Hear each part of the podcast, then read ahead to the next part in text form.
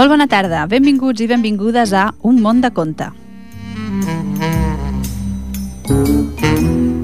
El programa que, com cada dimecres, fem jo mateixa, la Marviera, i el control tècnic, en Jordi Puy. Ho sabeu i no ens cansem de repetir-ho. Estem al 91.3 de la FM, estem a l'emissora municipal.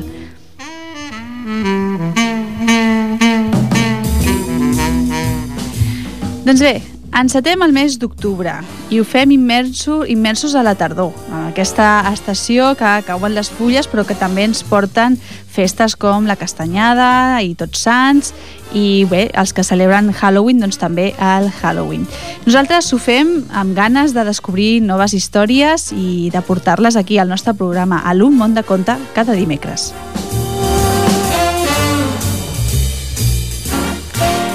Sabeu que si no podeu escoltar el programa el dimecres, doncs ho podeu fer per internet, allà trobareu tots els podcasts del programa i també es repeteix aquest mateix programa els diumenges de 5 a 6 de la tarda.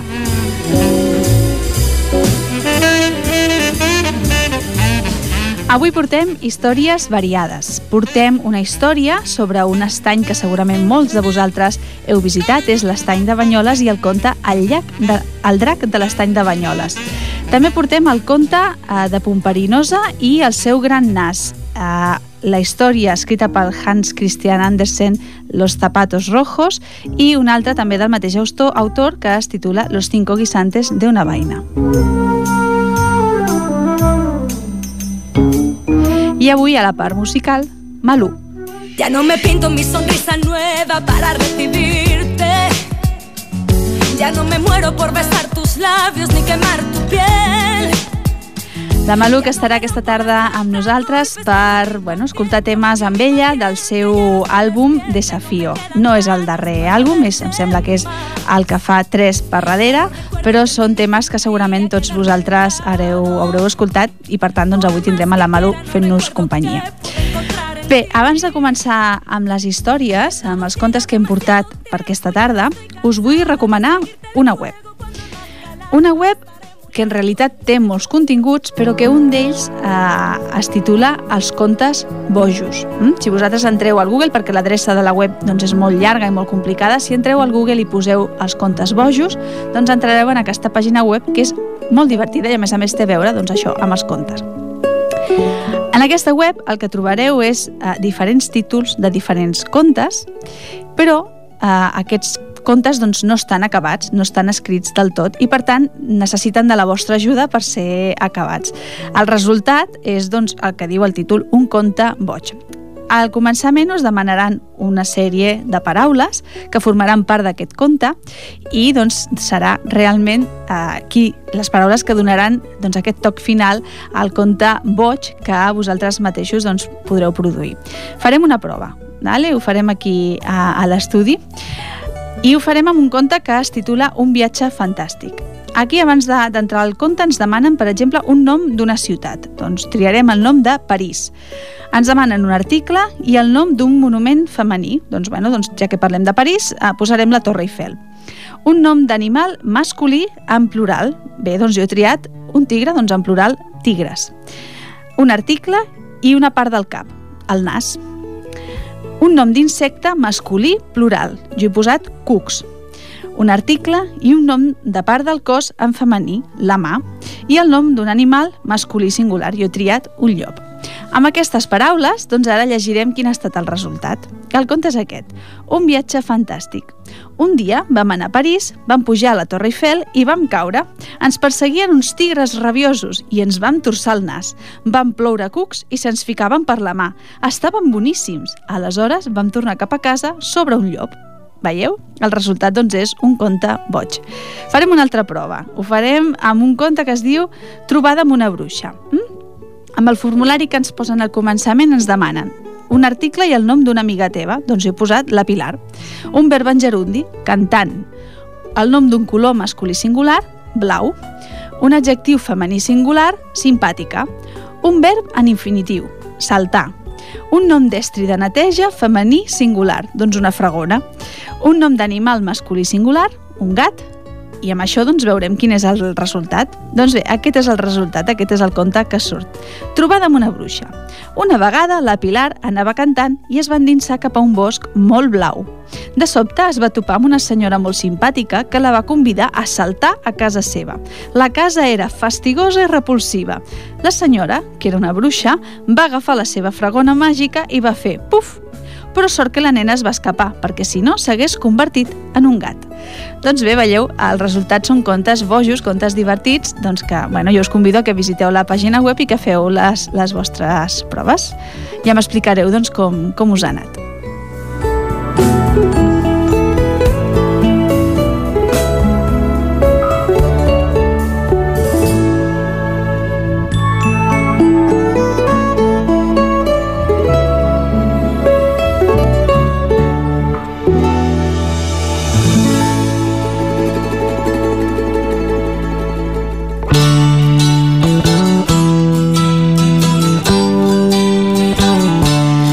Comencem, doncs, amb una de les quatre històries que havíem preparat per al programa d'avui. És aquesta que es titula El drac de l'estany de Banyoles. I diu així. Explica la llegenda que fa molt i molt de temps, pels voltants del segle VIII, una bèstia immensa vivia en alguna cova, a gran profunditat del llac de Banyoles. Li cobria tot el cos una escata de filades pues d'os, que el feia invulnerable. Tenia llargues ales i arpons arquejats i una espina dorsal eriçada de burxes se li estenia des del coll a la cua. Diuen que dels ulls li sortien espurnes com brandons flamejants i que tenia un alè tan pestilent que en bufar assecava les plantes, enverinava les fonts, empastava els camps i encomanava malalties a persones i animals. Però sobretot era molt voraç. Els caps de bestiar que s'esqueien a passar a prop del seu cau desapareixien com per art d'encantament dins de la seva gola. La vila de Banyoles vivia contínuament atemorida per aquell drac que es cruspia ovelles i senglars com qui res. Ni dins de les muralles els vilatans eren segurs. Tot i tancar-se a casa amb balda i assegurar la porta amb caixes, cada nit apareixia una porta esbotzada i un vilatà desaparegut. Res no semblava aturar aquella bèstia. Un bon dia, els soldats de Carlemany, en la seva campanya victoriosa contra els serraïns i havent sentit de la feresa del drac, van pensar que seria encara més heroic matar un drac per poder comptar el seu valor a l'arribar a casa. No sense abans cobrar or i menjar a la gesta que anirien a fer els pobres vilatans de Banyoles. Van acostar-se a l'estany i, plantats enmig del descampat que actualment rep el nom de la draga, gosaren plantar cara al drac però amb prou feines van poder treure les espasses, que el drac, indestructible, hi va passar per sobre i no en va deixar ni un. Algun va intentar fugir i el drac es va entretenir una mica més amb ell, fins que se'n va cansar. Uns comerciants francesos que van veure horroritzats l'escena van córrer a veure en Carlemany mateix, guerrer invencible en totes les batalles, i li contaren la història, una mica adornada, per deixar en millor, en millor lloc els seus homes.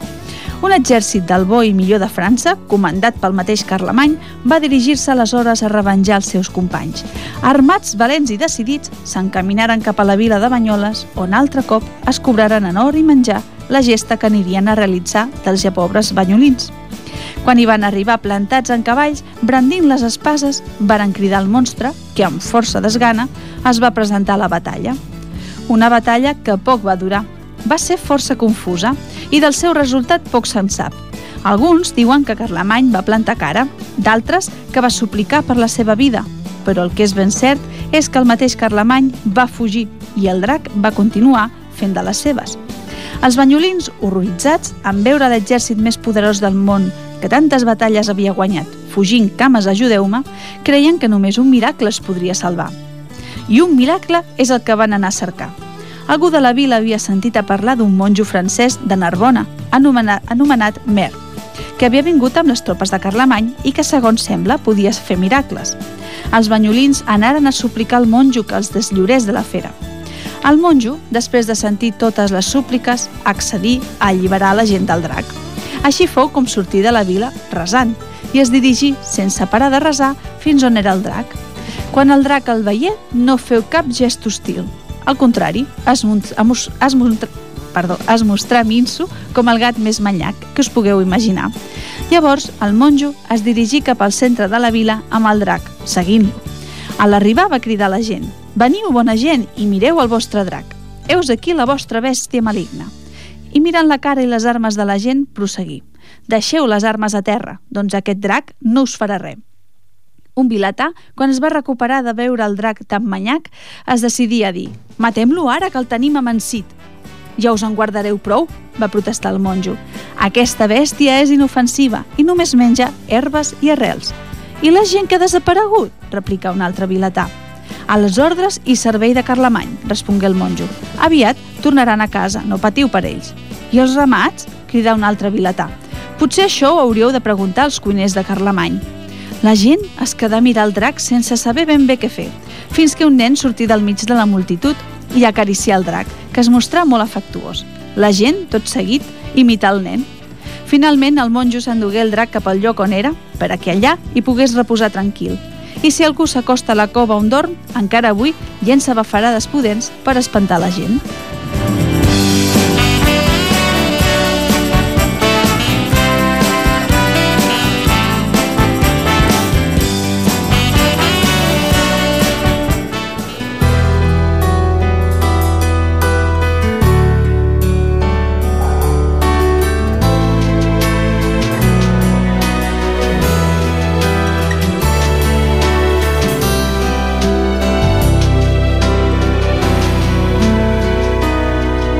Que estás buscándome en otra piel, que olvidaste el valor de ser fiel, que al fin cruzaste el mar, aquel que nos quiso dar sin darnos jamás. La oportunidad. Sé que es tarde, que la vida es un tren que por estúpida he vuelto a perder. Que aquí en mi soledad me enfrentaría a la verdad, la que odio más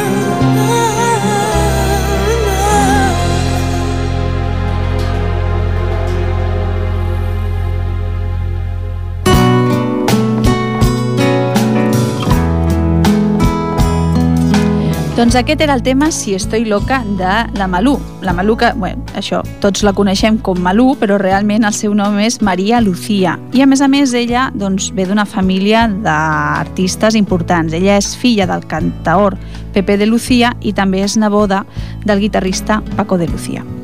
Doncs bé, amb la Malu tornarem una miqueta més tard i ara doncs, anem per la segona història d'avui d'aquest programa de l'Un món de conte.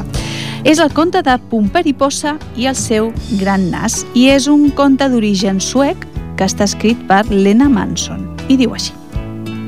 Hi havia una vegada, fa molts i molts anys, una bruixa molt vella que es deia Pumper i Possa. No és un nom molt maco, però malgrat tot és més maco que ella mateixa. Podeu imaginar-vos com era? Doncs tenia dos ulls vermells i petits i una boca grossa amb només tres dents. A les mans tenia un munt de berrugues i a l'esquena tenia una gran gepa. També mastegava tabac, al igual que un home, i era molt fastigosa. Ella vivia sola en una caseta al mig del bosc. La seva caseta estava feta de xorissos, pernils i en comptes de maons hi havia bombons. Ningú no s'atrevia a acostar-s'hi, ni tan sols un trol, perquè era molt dolenta. Cada cop que algú s'hi acostava es convertia en una taula, en un pissarrí o en una altra cosa. Era una bruixa molt perillosa. La seva pena més gran, no obstant, era que cada cop que encantava algú, el seu nas creixia una mica més. Això era un càstig. En el mateix bosc on vivia, Pomperiposa, doncs també hi vivia un rei i aquest tenia dos fills, un príncep que s'anomenava Pep i una princesa que es deia Pepa. Un dia van passejar amb el seu servent, que era tan formal, tan formal, que només sabia dir «Ah!» o bé «Oh!». oh. «Volem anar al bosc», digué el príncep Pep. «Ah!», digué el servent, i els va acompanyar. Després d'una estona van arribar a un pantà i el servent va mullar els seus peus perquè portava sabates de seda. «Oh!», va dir, i va tornar corrents al castell per posar-se unes botes. Però abans de marxar es va posar el dit al nas i digué «Va, això de va, sabeu què significava? Doncs significava espereu aquí, príncep Pep i princesa Pepa, fins que jo torni amb les meves grans botes ben posades. Però, és clar, això no ho podien entendre els, els fills del rei, i així doncs van continuar el seu camí, allunyant-se cada cop més del castell. Aquest bosc era el mateix on vivia Pomperiposa. Tots els ocells va començar a piular. Piu, piu, piu, no aneu allà, no hi aneu. Però això el príncep Pep tampoc no ho podia entendre i li digué a la seva germana – què et sembla si ens aturem? És que és tan avorrit estar-se aquí? Mira, jo tinc sis monedes. Quantes en tens tu, princesa? Ai, jo només en tinc una, va dir la princesa Pepa. Però sé fregir pomes. Ah, llavors quasi saps cuinar, digué el príncep Pep. Així doncs van aventurar-se fins que van arribar a la caseta de Pomperiposa, que estava feta de xorissos, pernils i bombons. Anem a sopar, digué el príncep Pep, i va agafar un gran xoriço de la casa. Llavors, Pomperiposa va treure el seu nas enorme de la casa i els mirà. Entreu, entreu, va dir. Jo sóc la vostra fada. Vaig a fer-vos uns creps amb, amb melmelada. El príncep Pep i la princesa Pepa la van creure i van entrar a la casa, encara que en tenien molta por. Mmm, digué Pomperiposa, i els mirà de dalt a baix. Mmm, fa temps que no he menjat ànecs, fa molt de temps. I en dir això va fer uns gestos màgics i de sobte el príncep Pep i la princesa Pepa van convertir-se en dos ànecs petits i blancs. Ui! digué Pomperiposa tot tocant-se el nas perquè en el mateix instant que havia encantat el príncep Pep i la princesa Pepa, en ànecs el seu nas havia crescut una mica més. Això t'està bé per malvada, digueren tots els ocells del bosc. Anem a buscar ajut, van dir tots els ocells, i van anar a buscar la cigonya perquè els aconsellés. La cigonya és l'ocell més savi de tots els ocells perquè cada hivern va a Egipte per estudiar els jeroglífics de les piràmides. Anireu a nedar, ànecs meus, digué Pomperiposa, i els va conduir al llac amb el seu gran bastó. Això és el que us mereixeu, i a més gaudiré molt quan us rosteixi en un gran foc aquesta nit. Pomperiposa era a la vora del llac, recolzada en el seu nas, que ara era tan i tan llarg com les seves cames. De sobte va sentir un cruixir darrere seu i es girà. Era el servent que havia tornat del castell i després havia estat buscant els fills del rei desesperadament. Ah, digué el servent quan va veure Pomperiposa. Va, digué tot traient la seva espasa per tallar el seu nas. Però Pomperiposa el va convertir immediatament en un pardal. Piu, piu, piu, digué el pardal tot saltant. El príncep Pep i la princesa Pepa van fer un esglai.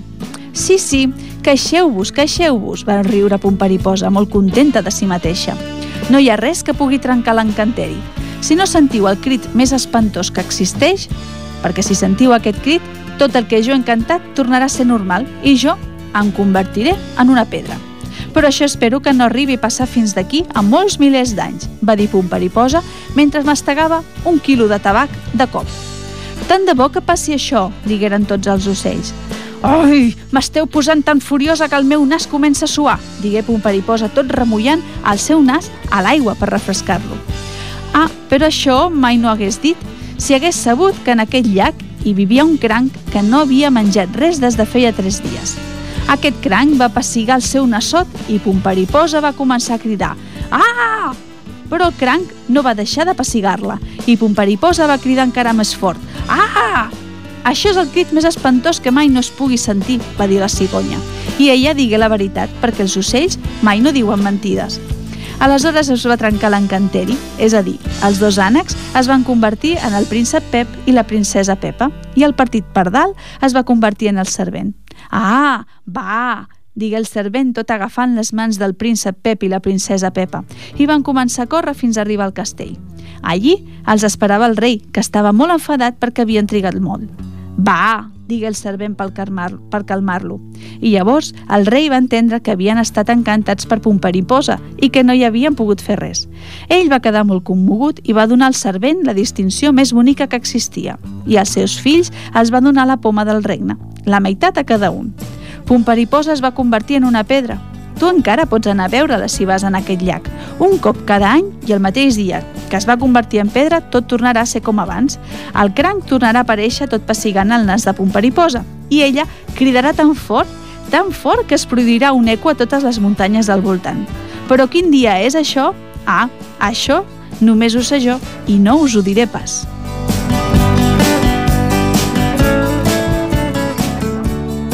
Ya no me pinto mi sonrisa nueva para recibirte. Ya no me muero por besar tus labios ni quemar tu piel.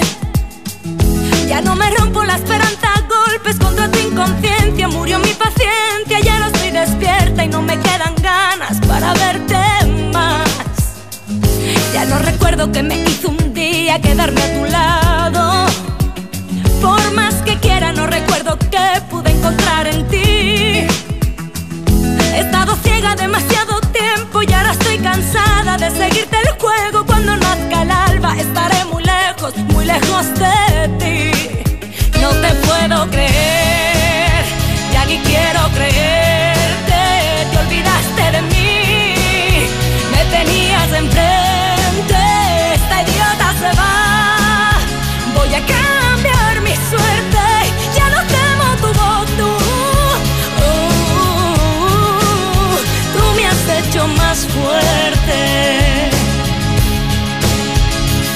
He malgastado junto a ti ilusiones una nueva vida.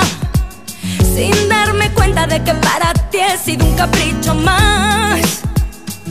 Me sedujiste con falsas promesas y con fantasías de pasión eterna. Todo eran mentiras que ni tú creías, pero yo creí.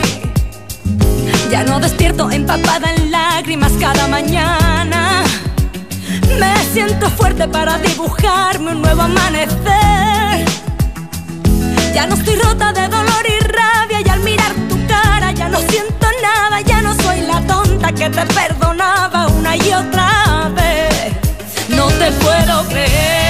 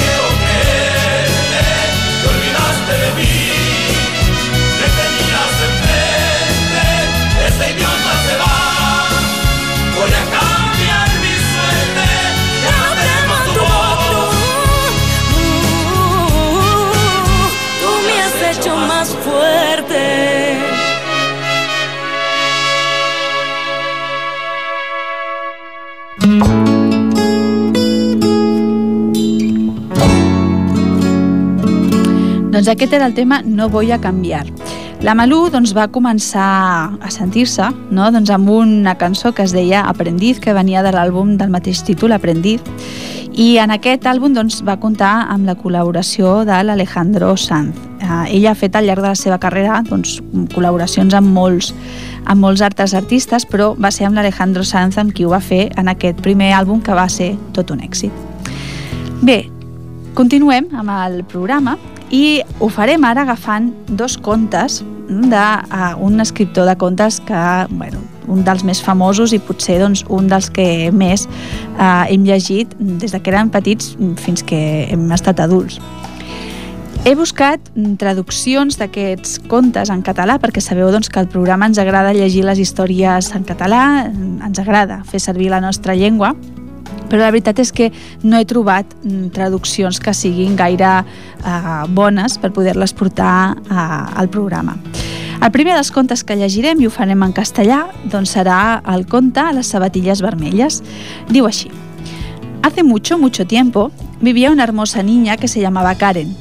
Su familia era muy pobre, así que no podía comprarle aquello que ella deseaba por encima de todas las cosas, unas zapatillas de baile de color rojo.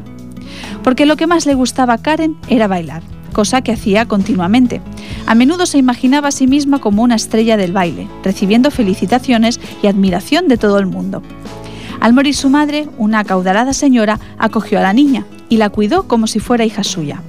Cuando llegó el momento de su puesta de largo, la llamó a su presencia. Ve y cómprate el calzado adecuado para la ocasión, le dijo su benefactora, alargándole el dinero. Pero Karen, desobedeciendo y aprovechando que la vieja dama no veía muy bien, encargó a la zapatera un par de zapatos rojos de baile. El día de la celebración todo el mundo miraba los zapatos rojos de Karen. Incluso alguien hizo notar a la anciana mujer que no estaba bien visto que una muchacha empleara ese tono en el calzado. La mujer, enfadada con Karen por haber desobedecido, le reprendió allí mismo y le dijo, Eso es coquetería y vanidad, Karen, y ninguna de esas cualidades te ayudará nunca pero la niña aprovechaba cualquier ocasión para lucirlos. La pobre señora murió al poco tiempo y se organizó el funeral. Como había sido una persona muy buena, llegó gente de todas partes para celebrar las exequias. Cuando Karen se vestía para acudir, vio los zapatos rojos con su charol brillando en la oscuridad. Sabía que no debía hacerlo, pero sin pensárselo dos veces cogió las zapatillas encantadas y metió dentro sus piececitos. Estaré mucho más elegante delante de todo el mundo, se dijo. Al entrar en la iglesia, un viejo horrible barbudo se dirigió a ella. ¡Qué bonitos zapatos rojos de baile! ¿Quieres que te los limpie? le dijo. Karen pensó que así los zapatos brillarían más y no hizo caso de lo que la señora siempre le había recomendado sobre el recato en el vestir. El hombre miró fijamente las zapatillas y con un susurro y un golpe en las suelas les ordenó, Ajustaos bien cuando bailéis. Al salir de la iglesia, ¿cuál sería la sorpresa de Karen al sentir un cosquilleo en los pies?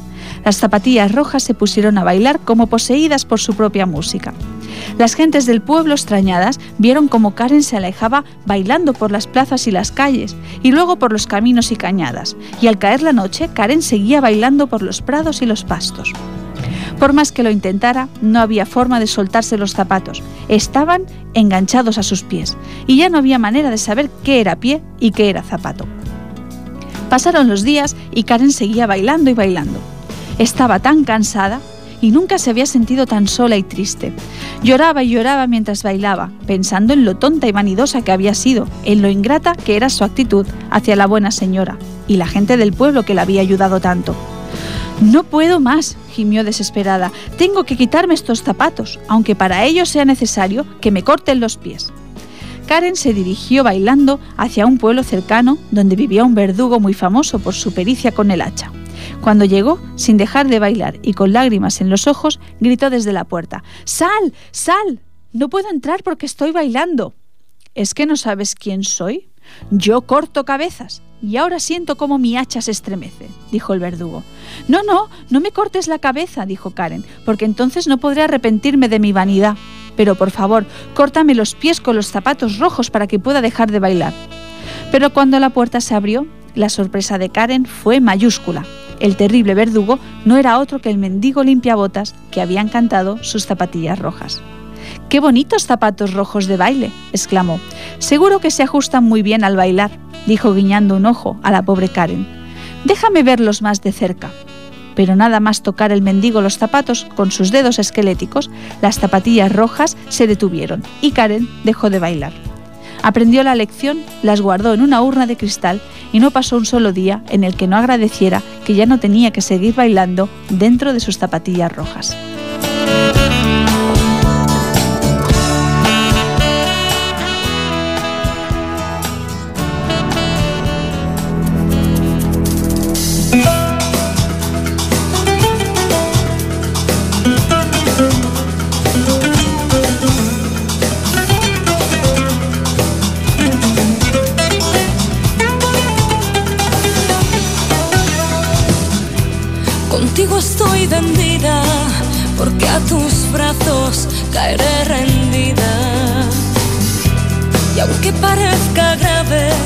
Para mi cura tus labios valen.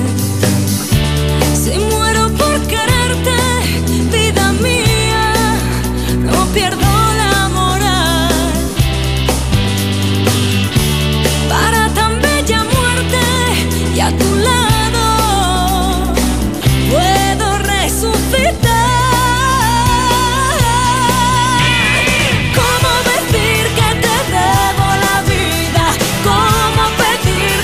siempre estés vivo.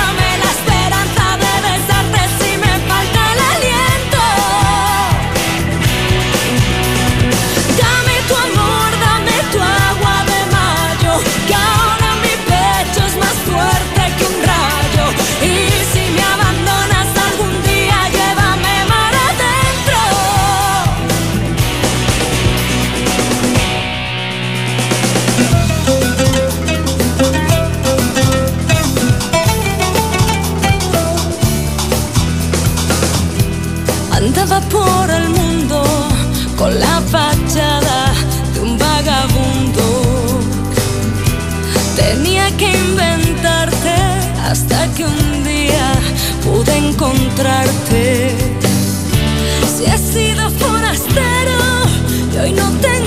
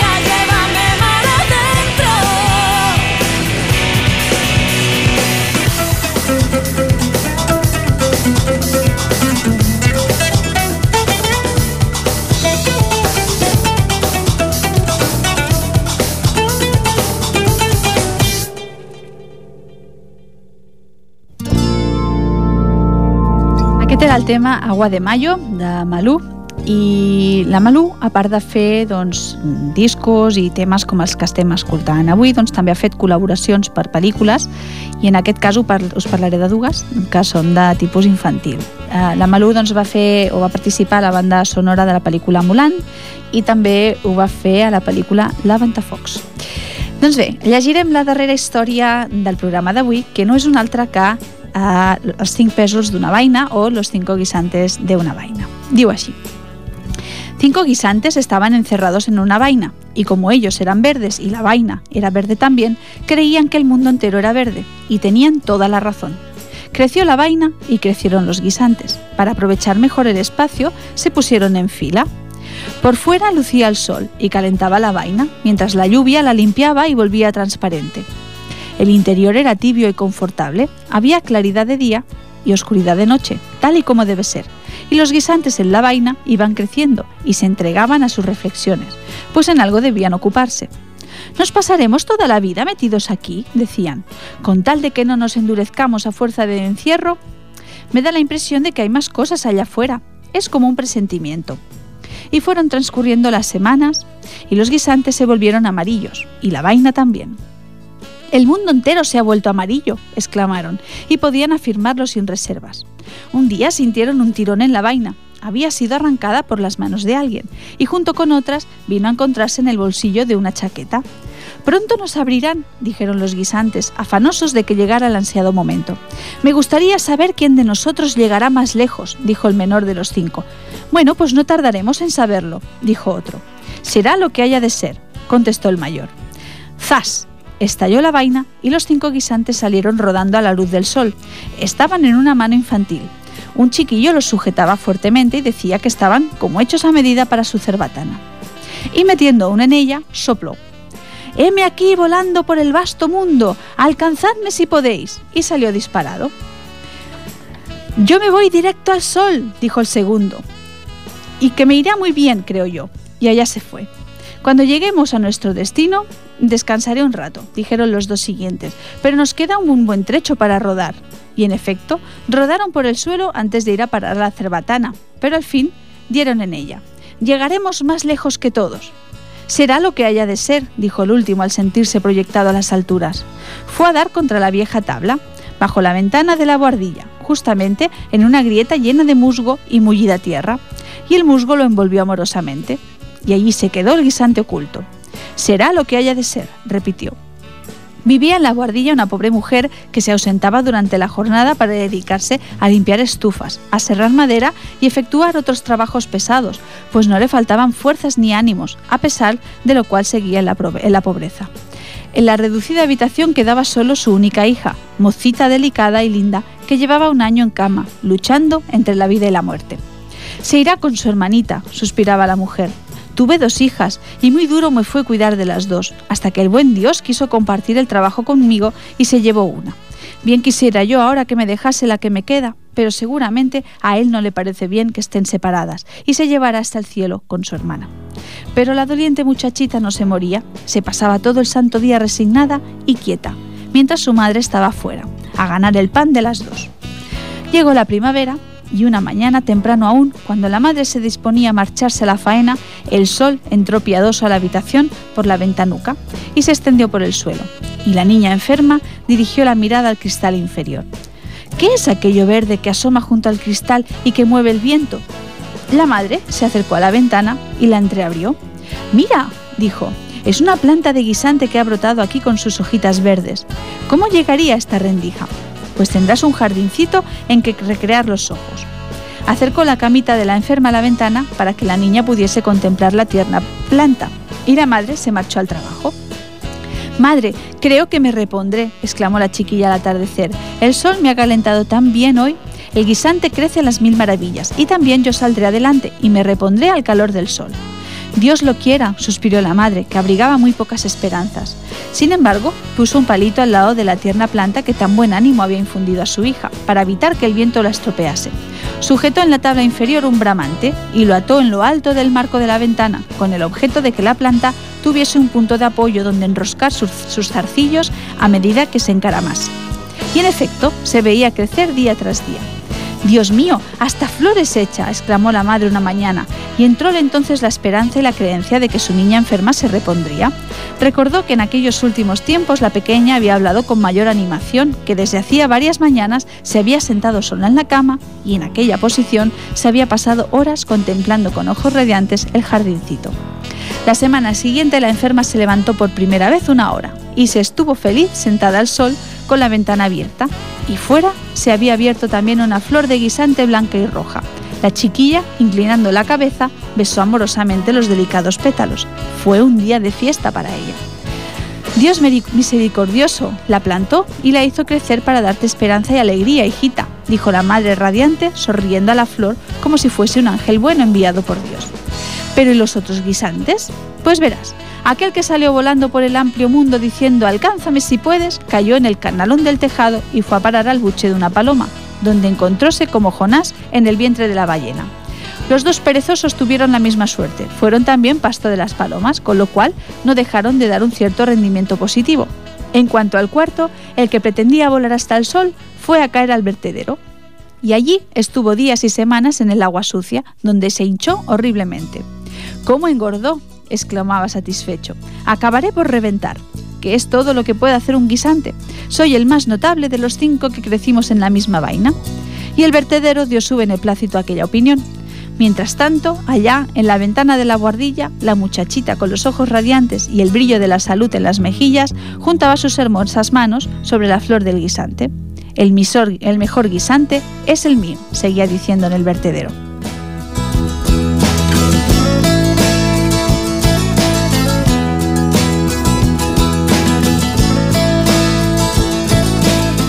Doncs bé, hem arribat al final del nostre programa. Com sempre, doncs desitjar-vos que sigueu feliços, que passeu un bon final de setmana, un bon cap de setmana, que ens tornem a trobar el proper dimecres. Moltes gràcies, Jordi, per la teva ajuda al control tècnic i us deixem amb un darrer tema de la Malú, que és el que porta per títol Enamora, Enamórame la vida. Fins aviat.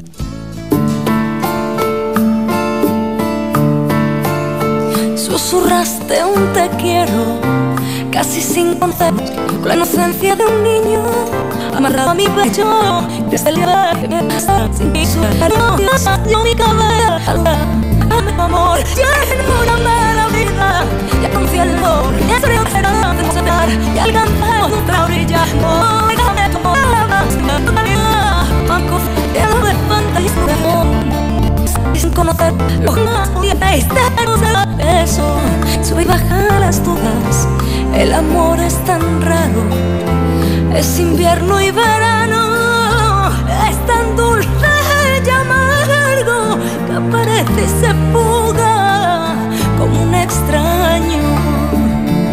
Regálame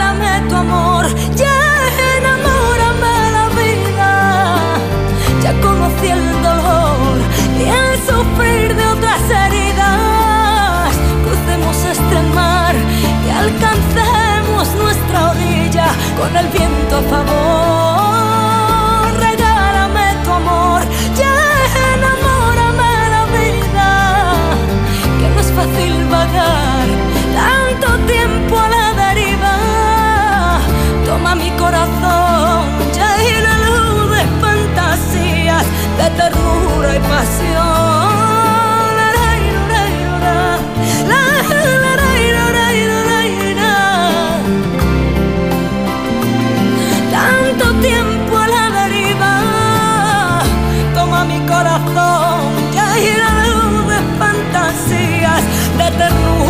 pasión.